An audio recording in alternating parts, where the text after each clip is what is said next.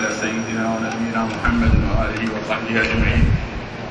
اللهم افتح علينا فتوح العارفين وفقهنا في الدين وعلمنا ينفعنا وانفعنا بما علمتنا واجعلنا من عبادك الصالحين. ومن أوليائك المقربين. الذين لا خوف عليهم ولا هم يحزنون. أيها الأخوة في الله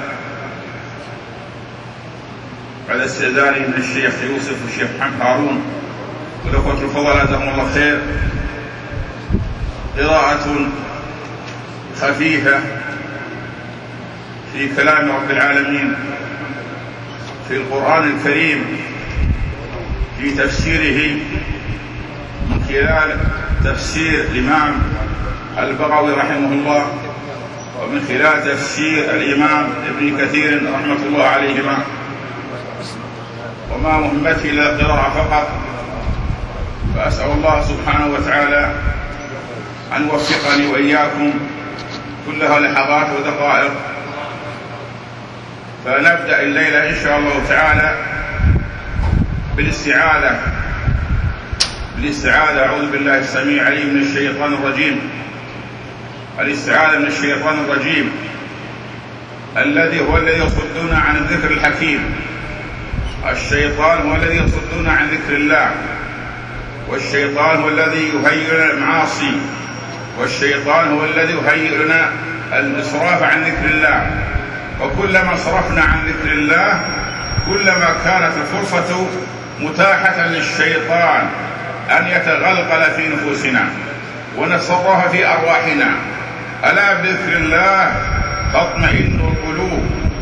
قال الله تعالى وإذا فإذا قرأت القرآن فاستعذ بالله من الشيطان الرجيم. الشيطان هو مصدر الإغواء ومصدر الشر في هذا الكون. نحن لا نراه ولكنه يرانا. ولكن الله سبحانه وتعالى أعطانا الوسائل للاعتصام به والاستعاذة به من هذا الشيطان الرجيم المرجوم المطرود من رحمة الله سبحانه وتعالى. حتى فيما يكون بيننا من خلاف أو نزاع أو شقاق فالشيطان له نصيبه ودوره في التحريش فيما بيننا. ولهذا جاء في قوله تعالى إما ينزغنك من الشيطان نزغ فاستعذ بالله إنه هو السميع العليم. وفي قوله تعالى فإذا قرأت القرآن فاستعذ بالله من الشيطان الرجيم. أي إذا أردت أن تقرأ القرآن. أي إذا أردت أن تقرأ القرآن. وكان صلى الله عليه وسلم إذا قام في ليله قال أعوذ بالله قال لا إله إلا الله.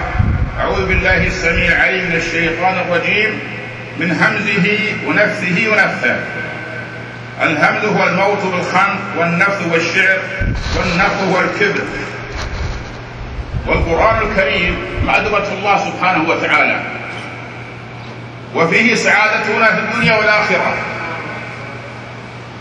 سعادتنا في كتاب الله. ولو تأملنا في الذين حفظهم الله سبحانه وتعالى. من الإخوة لرأيناهم أقرب الناس إلى كتاب الله سبحانه وتعالى. ولكن بالتدبر. أفلا يتدبرون القرآن أم على قلوب أقفالها؟ فالشيطان يترصدك في كل لحظة وفي كل حين حين تغفل عن ذكر الله سبحانه وتعالى. فلك عدوان عدو ظاهري وعدو باطني. العدو الظاهري هو الإنسان الذي تحاربه يحاربك في حق أو في باطل. أما العدو الباطني هو الشيطان الذي لا تراه. فأنت في هذه الحال أن غلبك العدو الظاهري فأنت مبتلى.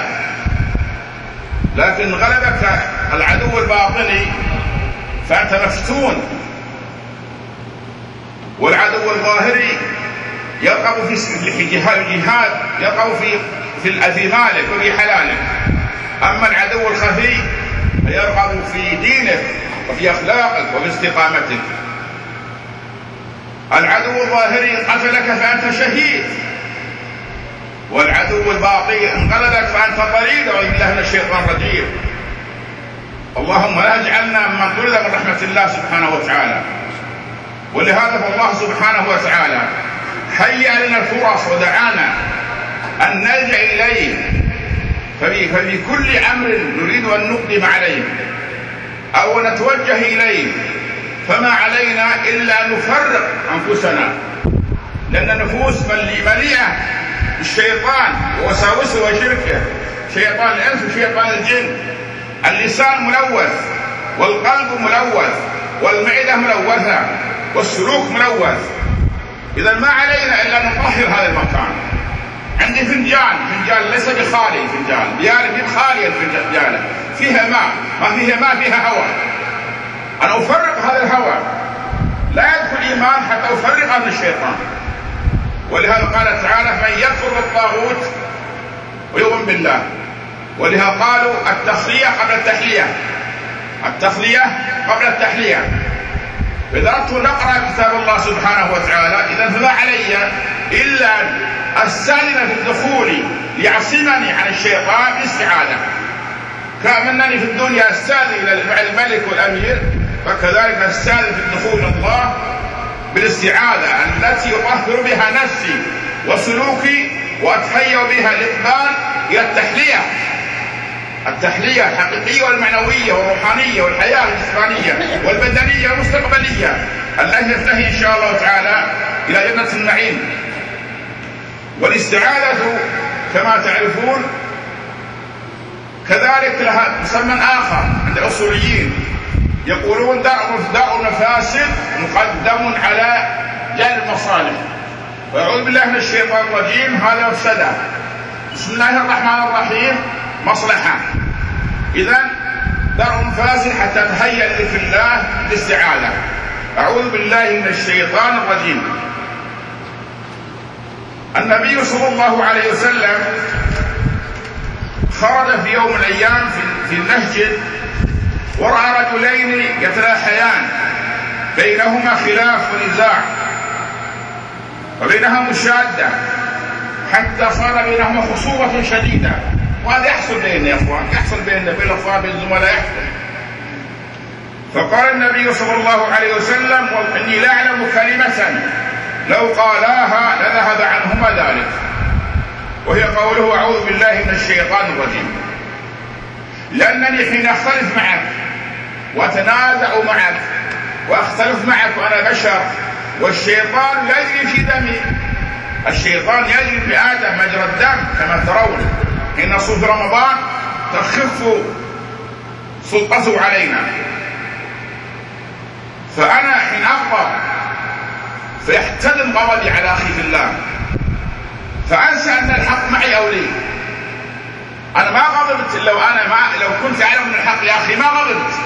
في حق أنا غضبت لأنني شعرت أن الحق أضاع لي أو لأخي ولكن حين أقول أعوذ بالله من الشيطان الرجيم. في هذه الحال أهتهد أعصابي ويتبين الحق أنه لي أو لأخي في الله ولهذا فإن الاستعاذة تنقسم إلى أقسام ثلاثة إلى أقسام خمسة. الاستعاذة وهي أعوذ بالله من الشيطان الرجيم. أعوذ بالله من الشيطان الرجيم. والاستعاذة هي الالتجاء واللصوق والاحتماء بجانب رب الأرباب سبحانه وتعالى. ليحميني ويصونني عن كيد الشيطان حتى لا يضرني لا في ديني ولا في دنياي. ولهذا قال علماء اللغة العوذ هو الالتصاق وقالوا بأن أحكم اللحم عوذه أطيب اللحم عوذه يعني اللحمة التي فيها عظم وفعلا يا أخوان لما كنا صغار كان أهلنا يقول عرشوا العظامة. فعلا التي فيها عظم طعمها أحسن مذاقا من الأبرة. في مناسبات في العزائر غالبا الناس الهبر غالبا ما يأكلون فخذ يحبون الذي هي العظمة. ولقال أحسن لحم عوذه فالعوذ هو الالتصاق التصاق هذا العبد بالله أعظم من التصاق هذا اللحم العظم. أعوذ بالله من الشيطان الرجيم. والله سبحانه وتعالى عرف المعارف. ليس بحاجة إلى تعريف من الشيطان والشيطان من الشيطنة. نقول أولادنا فلان الشيطان ولد شيطان يا فلان لا تشيطان. الشيطان البعد. لما كان الشيطان بأخلاقه السيئة وارتكابه المحمورات وغرور بني آدم ارتكاب المعاصي بعود عن رحمة الله وبعود عن رضا الله وكان بعيدا. ولهذا يقول شاق واشتاق ويسموه القديم عندنا أيام الصدر الاشطان اللي لحق أيام زمان على الصدر الحميره كرمكم الله يسموه محل الصدر الاشطان لانها بعيدة محل الصدر. واشتق الشطر منها وهي البعد ويقال الشيطان أعوذ بالله من الشيطان الرجيم. المرجوم المطرود من رحمة الله سبحانه وتعالى. الثاني هو المستفيد والمستعيد هو أنا الذي أحسن نفسي بالله سبحانه وتعالى بالاستعاذة من الشيطان حتى لا يضرني في ديني ولا في دنياي. هناك أمراض نفسية أمراض جسمية الآن. هناك الصرع متوفر في المجتمع. السحر في المجتمع. الوسواس الانفصام التوحد. الحمام الآن أكثر الناس غالبا يدخل الحمام ويخرج ما يعرف آداب الحمام دخول الحمام. أطفالنا أو أولادنا ما عودناهم ماذا يقولون؟ دخول الحمام كرمكم الله. حين يقول بسم الله أعوذ بالله من خوف الخبائث. إذا حصن نفسه هذا الطفل لو سقط في المياه كرمكم الله لا يصاب. لأن الشيطان هذه مساكنه الشيطان يسكن في دورة مياه كرمكم الله. هذا مكان الكفر أكرمكم الله. حين استعيذ بالله من الشيطان الرجيم عقب الدخول بسم الله أعوذ بالله من الخبث والخبائث فانا احسن نفسي من هذا الشيطان الرجيم. واحسن أولادي ولهذا لا يصابون بأمر الله. بالسابق كانت هذه الأمراض قليلة النفسية والعقد النفسية والصرع ما كان هذا موجود عندنا إلا لما تركنا الاستعاذة بالله سبحانه وتعالى. وهناك المستعاذ به هو الله سبحانه وتعالى. الاستعاذة بالله سبحانه وتعالى هو خالق الكون والمقتدر وهو أحق من يستعان به سبحانه وتعالى لا يستعان بملك مقرب ولا بنبي ولا بصالح ولا بولي يستعان بالله وحده لا شريك له هناك المستعاذ منه الشيطان هناك الشيء أجله يستعاذ وهو حفظ النفس والمال والدين والعرض.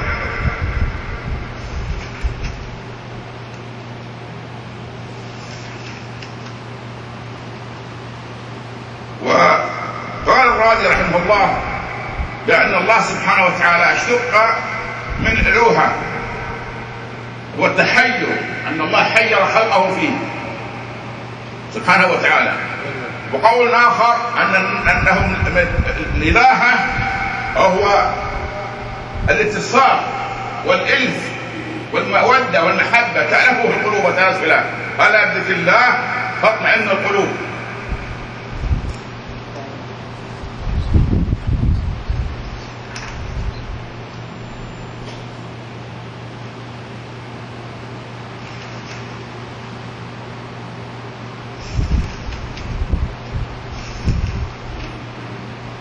يقول رحمه الله ابن القيم علم أن لفظه تعالى وما صرف منها تدل على التحرز والتحصن والنجاة وحقيقه معناها الهروب من شيء تخافه إلى من يعصمك منه.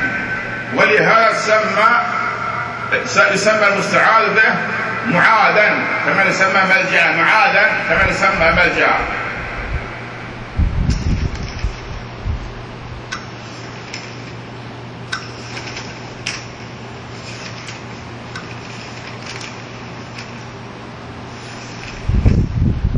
وقراءة الاستعاذة سنة ولفظها المتعارف عند العلماء. أعوذ بالله من الشيطان الرجيم. وانفرد الإمام أحمد رحمه الله مع مجموعة من العلماء. قالوا بأن الاستعاذة هكذا. أعوذ بالله السميع العليم من الشيطان الرجيم. أعوذ بالله السميع العليم من الشيطان الرجيم.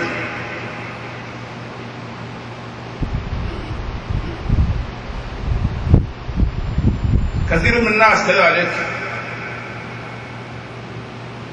يصابون بما يسمى العين أو النفس أو النظار. وغالبا هذا العيان أو النظار غالبا يكون أقل الناس ذكرا لله سبحانه وتعالى. غالبا أقل الناس يكون ذكرا لله سبحانه وتعالى. فالذي يذكر الله سبحانه وتعالى غالبا أنه بعيد كل البعد عن العين وعن النفس. ولهذا ترى الذي يذكر الله دائما عن لسانه دائما لسانه مرات أبعد الناس عن الشح وعن العين. وحتى لو قدر الله أصيب إنسان أو شك أنه أصيب إنسان قال والله فلان قال لا فلان يذكر الله. فلان يقول ما شاء الله. لكن فلان ما يذكر الله إلا قليلا. إذا هو حتى الذي يستعيذ بالله ولا يذكر الله كثيرا الشيطان يسول ويوسوس الناس وربما الشيطان وصل, وصل إليه لأن العين كذلك من الشيطان الرجيم. فالشيطان كما قلنا هو وسيلة لكل شر ولكل خبث نسأل الله سبحانه وتعالى أن يعصمنا وإياكم من الشيطان الرجيم ونعيذنا وإياكم منه وأن يجعلنا عباده الصالحين ومن أوليائه المقربين. إنه ولي ذلك والقادر عليه والحمد لله رب العالمين. وصلى الله وسلم على سيدنا محمد وعلى آله وصحبه أجمعين. وما أحب عليكم يا أخوان. أن ربع ساعة قاضية